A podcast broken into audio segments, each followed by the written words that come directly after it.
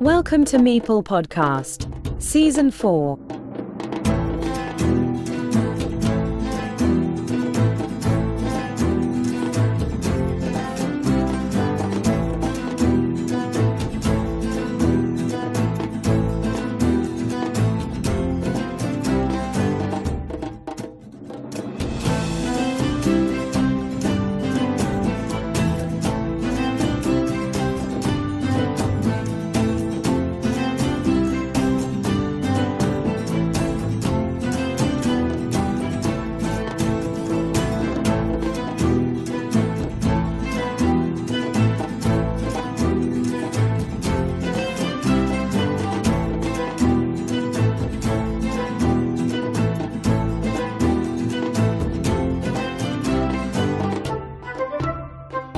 In this episode, we welcome to Meeple Podcast the current UK Carcassonne champion, organizer of the Mind Sports Olympiads, also a player of the British national Carcassonne team. With us, Matt Tucker, better known by his BGA nickname, StatMatt.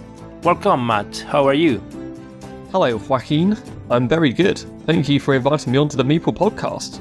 Congratulations for your first place in the UK Carcassonne event. Thanks. It's always a tough field at the UK Championship, so I was delighted to win the tournament back in June. I think I've been steadily improving, so it's nice to back that up with a big result. I felt like I played well on the day, but I also had quite nice tiles throughout. However, as one former champion said to me on the day, you always need a bit of luck to win a Carcassonne tournament. I hope you're a fan of the Meeple podcast. I can't claim to be a regular listener, but the podcast first came to my attention last year when you interviewed my UK teammate Chris Wallace, who is Wallace Prime on Board Game Arena. Well, it's an honor to have a player from Dan Chart's environment. Thank you. Dan is such a great ambassador for Carcassonne. I like to start asking you about the national team because I'm something we know much more. The expectation that the WTCOC promotes is spectacular. It is certainly a very relevant event, and after four editions, it has become an unprecedented event that can be put on a pair with the individual World Cup organized by Hans im Glück and Spielezentrum. What do you think about that? I think it's wonderful that out of the pandemic came this truly international community of competitive Carcassonne players. And to see that so many players and nations take part shows just how global the appeal of Carcassonne is. I would say that online and in person Carcassonne are quite different though. Both have their advantages and uniqueness, such as it would be impossible to be able to replicate the World Team Championship in person. You just wouldn't be able to get that many players in one place at one time. However, it makes it such a special event to have the World Championship held in person, and have the national champions all travel to Germany.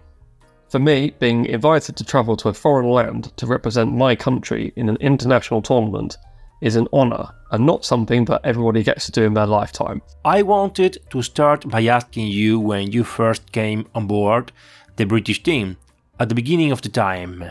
The story goes back quite a bit, and I'll briefly explain my history of competitive board gaming to give the story in the full context. I only started playing board games competitively as recently as 2018. This was when I first went to the UK Games Expo, which is our national convention for games. There, I played in a Ticket to Ride tournament with my brother. We both enjoyed it, and afterwards, I found out that the people who had ran that Ticket to Ride tournament were called the Mind Sports Olympiad, or MSO, and they had their own week long event in London, where I live. So I went to a couple of tournaments in 2018 and then did a few more in 2019. For 2020, I was planning to do a lot more and was disappointed that the pandemic forced a postponement for the live event. However, Instead, the MSO managed to put on a month long online event, and with it all available from the comfort of my own home, I signed up for as much as I could. This included both a 4 player and 2 player Carcassonne tournament. After a mid table result in the 4 player event, my attention turned to the 2 player competition. To my surprise and delight, I did very well. I recorded 6 wins out of 7 games, and was one of the just 7 players from a high caliber field to make the knockout stages. Sadly, I lost my quarterfinal, and that could have been that until next year's tournament. However, my good results had attracted the attention of a Dan is 30, who invited me to join the UK Carcassonne team.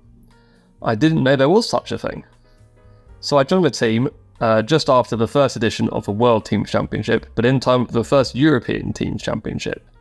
Joining the team made me want to improve my Carcassonne ability and add value to the team, and Carcassonne has become my most played game since then. Tell us, Dan Chart is the real architect of your national team. Dan can almost exclusively be credited with bringing each of the team members on board and uniting us from a group of individuals into an active group and a real team. What happens with the British team that doesn't manage to reach the playoffs despite the great players they have? To use the BGA terminology, I would say we have a lot of expert players, but no master level players. The all round quality of the other teams keeps improving, and there really are no easy matches these days. Spain, for example, were one of the weaker European nations in the first couple of tournaments I played, but have really improved and had a great and well deserved result in the 2023 World Team Championship.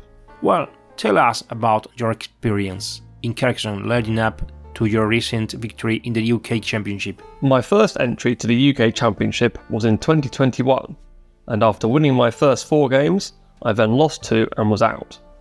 Last year went disastrously for me, as I could only manage three wins out of six. I did recover some pride with a very satisfying silver medal at last summer's MSO competition.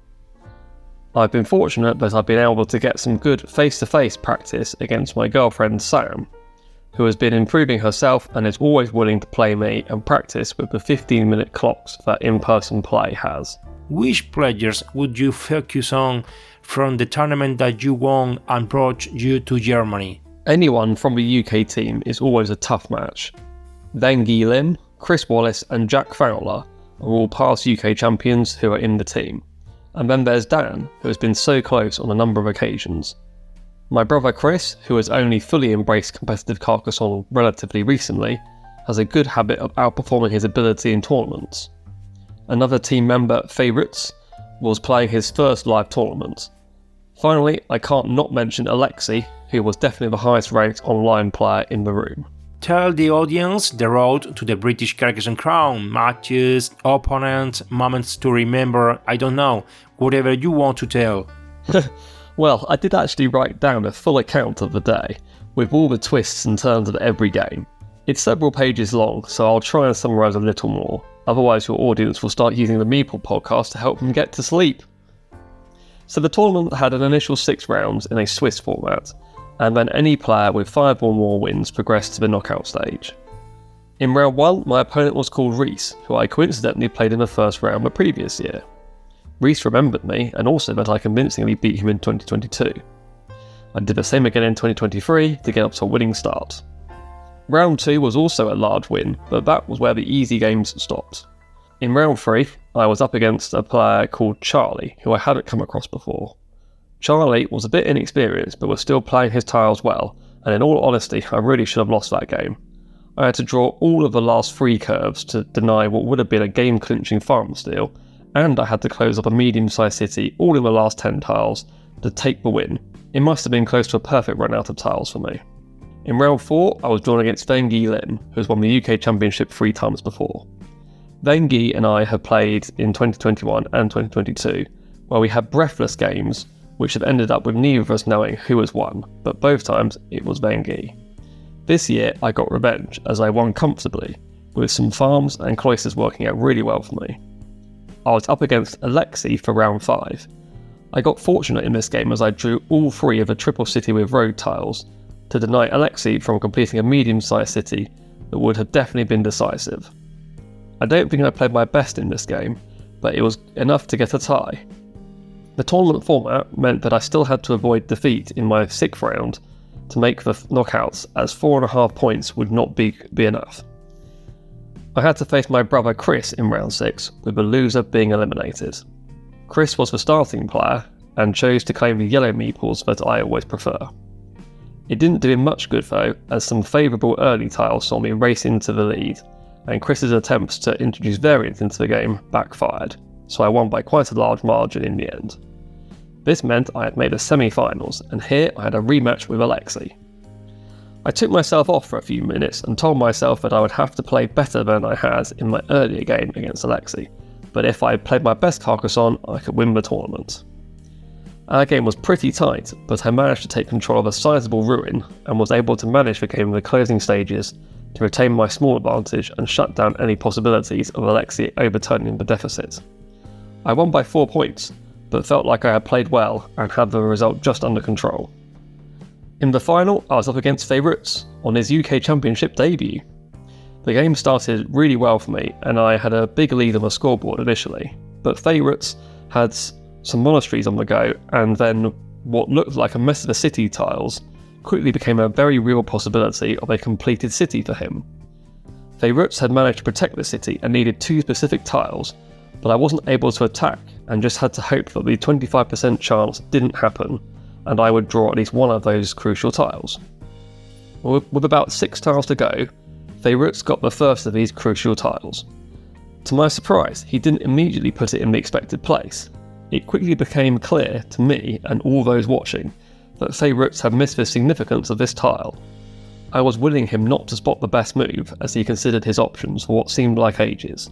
Eventually, he pretty much discarded the tile, and I knew that victory was in sight. Unfortunately for favourites, he drew that second crucial tile on his last turn and did place it where I expected. When we added up the points, I had won by 7. I felt I should tell favourites of his blunder, and he was naturally disappointed to learn of it, but praised me for putting him under time pressure. He was into the last minute of his time by the end, and he said it was my excellent clock management that forced the error. It was ironic, as in the UK team, I am famous for playing slowly, and I'm always the last to finish in our team championship games. But the, but the practice with clocks with my girlfriend had paid off and I'd won the UK championship. Thanks to the new way to access the World Cup in Germany, you are going to have two players from the UK Carcassonne tournament this year, yourself and Alexei, who qualified thanks to his team reaching the semi-finals of the WTCOC 2023. Alexei is one of the best online players and has a tremendous understanding of the game. I've learned some things by watching his videos, and he does a good job of his channel. However, I do think there are differences between online and in person play, and perhaps Alexei doesn't get the opportunity to practice his face to face play. We've played four times in person, twice I've just mentioned, but also at the 2022 MSO tournament, and, and also this year's 2023 tournament, where I've also managed to beat him on both occasions. So I'm unbeaten across those four games. Our online record is 4 2 in his favour, though. These are small sample sizes, uh, which is also true of the in person tournaments. I firmly believe if you ran the UK Championship again on, a, on the following day, you'd likely get quite a different final standings. It is a bit of an oddity how Alexei has managed to secure his ticket to Germany. I'm not sure I entirely agree with the methodology of awarding all of the places, but you do want to have the best Carcassonne players at the World Championship, and Alexei is certainly one of the best Carcassonne players. Actually, to win a national championship is complicated. You have to have the perfect day, concentration, believe in winning, and bit of luck. And we are talking about players with the ability to reach this great achievement, obviously. It's very difficult for average players to win a national competition. You really do. The in person tournaments are always a marathon, and you need to have good stamina, as well as other factors you mentioned. I always spot that one or two lesser players will make it very deep into the tournament and outrank some established players. This was me in that MSO competition in 2020, but these players always seem to come up a bit short of actually winning a tournament. For you, what's the most important thing you are going to do in Germany at the World Championship? Playing Carcassonne, learning about a great Carcassonne competition, meeting huge international players, the Spiel Festival, to travel to another country? For me, the most important thing is playing in the World Championship. That's why I'm going to Germany first and foremost. However, I will definitely be dedicating at least one day to the Spiel Festival, and I'm looking forward to meeting the other national champions and putting some faces to names. I'll be bringing my girlfriend, and we are big football fans, so we're hoping to get to a game in the area, hopefully a Borussia Dortmund match. By the way, Matt, I think you are the ideal person to ask the following questions. Is there life after Carcassonne? wow, I'm not sure how to answer this one. There is more to life than Carcassonne. Board games in general do take up a large part of my life, but it's important to remember we play them for fun. How did you get into the MSO organization? In early 2021, the owner of the MSO, a man called Eitan Ilfeld, posted an advert saying he was looking to hire a web developer to launch a new board games website. I am a web developer, and I just so happened to be looking for a job at the time, so it was perfect, and I applied and got the job, which I still do today, which is being the developer, site admin, promoter, and many other things for PlayStrategy.org. PlayStrategy is a two player games website which is based off the popular chess platform Lichess. Lichess is open source, so we were able to clone their site and make the changes we wanted to, which was to add many other abstract games beyond chess. So on Play Strategy, we have Drafts, Othello, Mancala, and many more, with Go being launched in the next couple of weeks. From working with Eitan, it was a natural step to become involved in the MSO organisation, which we all do voluntarily. So I'm involved in planning the schedule, some logistics, and a lot of tech stuff as well such as the online database and registration system. Then during the week, I play play events in every session, and most likely are running a tournament as well. By your point of view, what do you think is the most unknown thing in general about the Mind Sport Olympiads? I find that a lot of people who haven't been to the MSO before are cautious about giving it a go, because it seems like such a fancy event from the title, they think that it would be far too serious and they wouldn't be good enough to take part. This is far from the truth. The MSO is open to all, and we have players of all ages and a range of abilities. I always say, if you enjoy playing a particular game and think you would enjoy spending a few hours playing that game several times in a row against a variety of players, then there is no reason not to give it a go. Players are taking it seriously, but there is always a friendly atmosphere and there is a nice community spirit amongst the players that play the full week. Tell us something about the beginning of the MSO and its evolution over the years. My understanding is that the MSO started back in 1997 to much fanfare and budget, and was billed as something that might compare to the Olympic Games, with grandmasters in the chess competitions, for example. However, the money soon dried up and things were scaled back.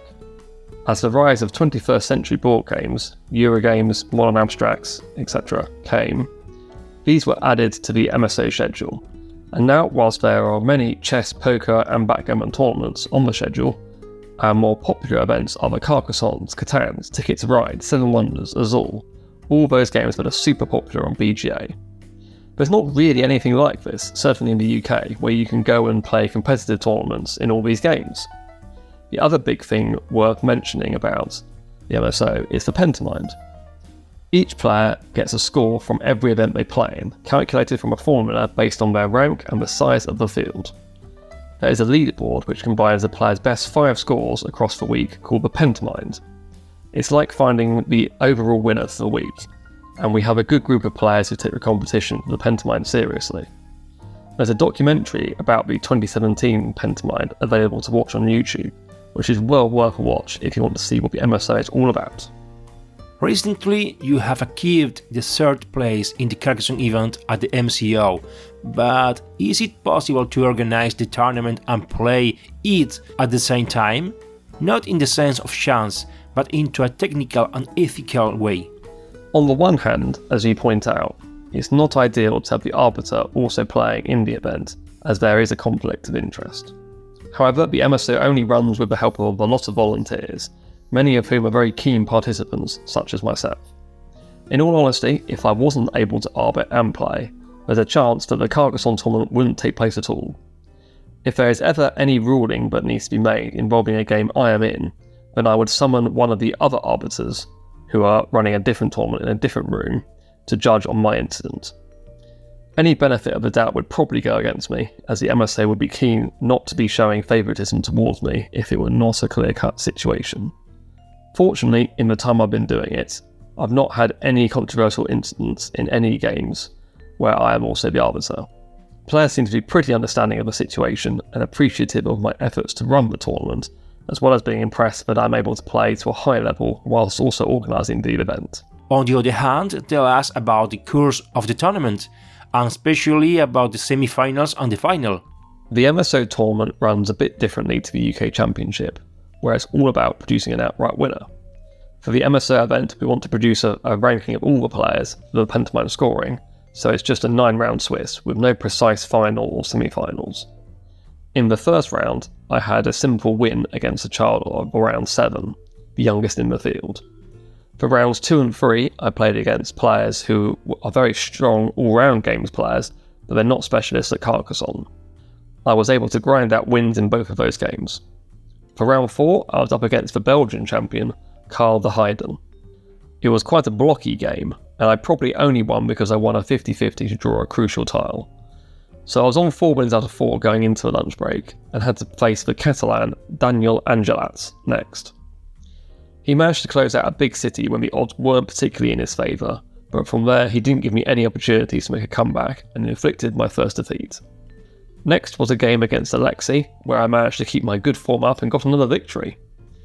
It wasn't getting any easier as I had Marianne Kirkhan, the 2019 world champion, in round 7, I think I played well here, realising Marian's overcommitment to the farm and meeple shortage. I was able to ensure I outscored him elsewhere. For round 8, I was playing Francisco Javier Poveda Perez. You may know him as Juliano Apostatata from BGA, and he had travelled from Spain just for the Carcassonne tournament. We had a close game, which possibly came down to who drew the four way city tile. It was Francisco, and he went on to take the win in our game. The final round, having played most of the BGA specialists, I had a less notable game against an unknown player, which I won.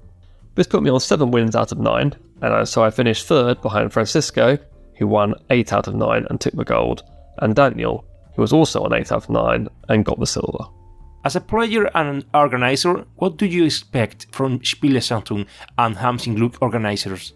I'm hoping for and expect a well run tournament that is arbitrated fairly and pre published rules. Every player will be taking it seriously as they will have travelled far to attend. It'll be nice to play the tournament and not have to worry about the organisation. You can sometimes be interrupted during a game to solve another player's query or issue. If there are any things that aren't done in an optimal way, then it might be frustrating, particularly as I'm used to many MSO practices.